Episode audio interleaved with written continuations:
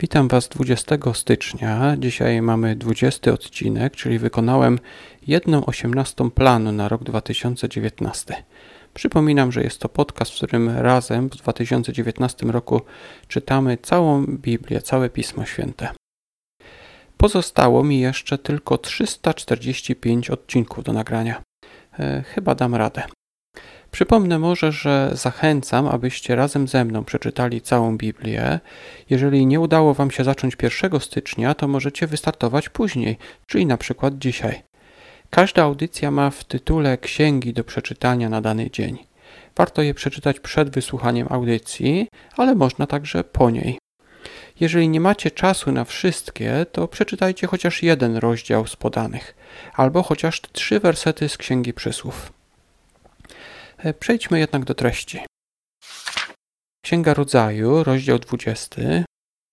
Abraham w Gerarze ponownie przedstawia swoją żonę jako siostrę. Już wcześniej czytaliśmy, że podobnie postąpił wcześniej. E, w zasadzie nie kłamał, wyjaśnia to w wersecie 12. Zresztą jest ona rzeczywiście moją siostrą, jako córka ojca mego, lecz innej matki. Mimo to została moją żoną. Rodzaju 20 rozdział, werset 12. Ciekawe jest jednak to, jak Bóg określił Abrahama w wersecie siódmym. Teraz więc zwróć żonę temu człowiekowi, tu Bóg zwraca się do króla Geraru, teraz więc zwróć żonę temu człowiekowi, bo on jest prorokiem i będzie się modlił za ciebie, abyś pozostał przy życiu.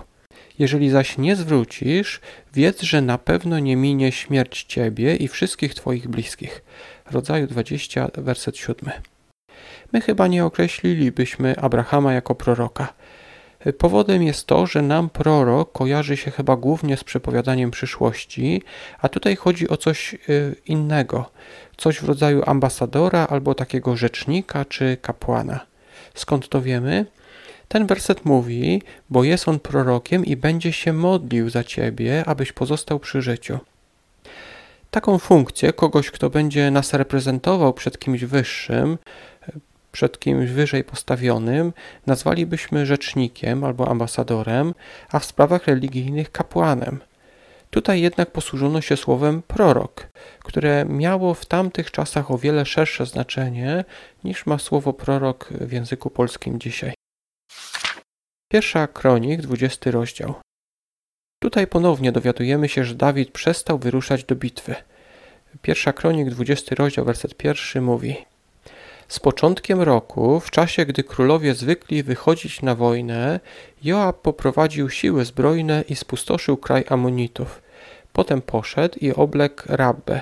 Dawid natomiast pozostał w Jerozolimie. Joab zdobył Rabbę i zburzył je. W starożytności był taki zwyczaj, że zimą się nie walczyło, walczyło się e, w okresie, który był najbardziej sposobny do wojny. I chociaż był to dobry okres, Dawid nie wyruszył. Dlaczego uważam to za ważne? W księdze drugiej Samuela, rozdziale 11, czytamy o tym, do czego doprowadziła ta bezczynność Dawida. Właśnie wtedy zgrzeszył z Batrzebą. Tak więc ja sobie tak myślę, że gdyby on wyruszył na tą wojnę, nigdy by nie doszło do tego grzechu z Batrzebą. To taka myśl, że czasami złe rzeczy robimy, bo mamy za dużo czasu. Gdy więc człowiek jest zajęty, szczególnie zajęty dobrymi rzeczami, to po prostu nie ma czasu na grzeszenie. Amosa trzeci rozdział. Tutaj także dowiadujemy się o tym, jaką funkcję ma prorok. Amosa trzeci rozdział, wersety siódmy i ósmy, czytamy tam. Bo Pan Bóg nie uczyni niczego, jeśli nie objawi swego zamysłu sługom swym prorokom. Gdy lew zaryczy, któż się nie ulęknie? Gdy Pan Bóg przemówi, któż nie będzie prorokować? Bóg zapowiada różne rzeczy. Na przykład w tym rozdziale zapowiada zagładę Izraela, czyli tego północnego królestwa. Jednocześnie jednak powiadamia o tym swoich proroków, którzy z kolei mają obowiązek przekazać to dalej. Z tego właśnie względu uważam, że słowo prorok y, temu słowu odpowiada dzisiejsze słowo rzecznik prasowy. Rzecznik prasowy przemawia na przykład w imieniu prezydenta albo rządu, a tu prorok przemawia w imieniu Boga. W wersecie 15 czytamy o domach z kości słoniowej. Były to domy, które były wyłożone boazerią.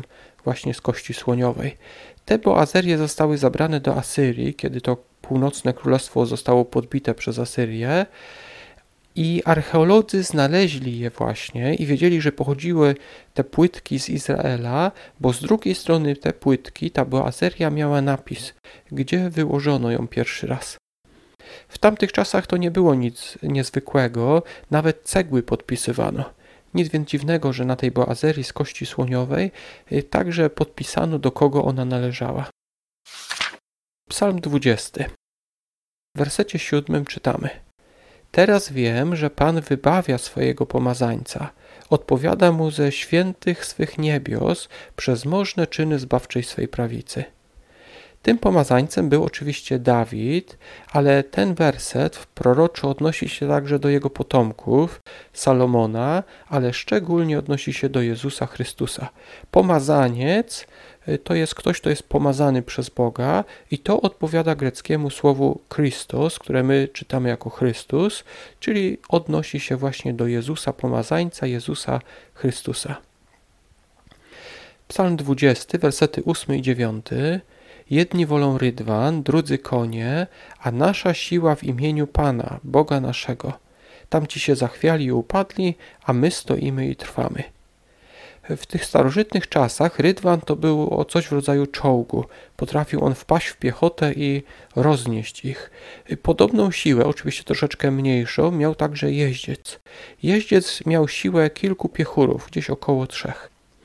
Tak więc nic dziwnego, że ludzie w tamtych czasach pokładali nadzieję w rydwanach i w koniach. Ale sług bożych z tamtych czasów oróżniło właśnie to, że oni pokładali y, ufność w imieniu Pana, Boga naszego. Księga Przysłów, trzeci rozdział, wersety od 4 do 6 dzisiaj czytaliśmy. Ja bardzo lubię werset 5 i 6. Czytamy w tym miejscu. Z całego serca Bogu zaufaj, nie polegaj na własnym rozsądku. Myśl o nim na każdej drodze, a on twe ścieżki wyrówna. Była to Księga Przysłów, trzeci rozdział, werset piąty i szósty. Zaufanie polega często na tym, że myślimy inaczej, a trzeba zaufać komuś, kto proponuje coś, co w naszych oczach jest nierozsądne albo wręcz głupie.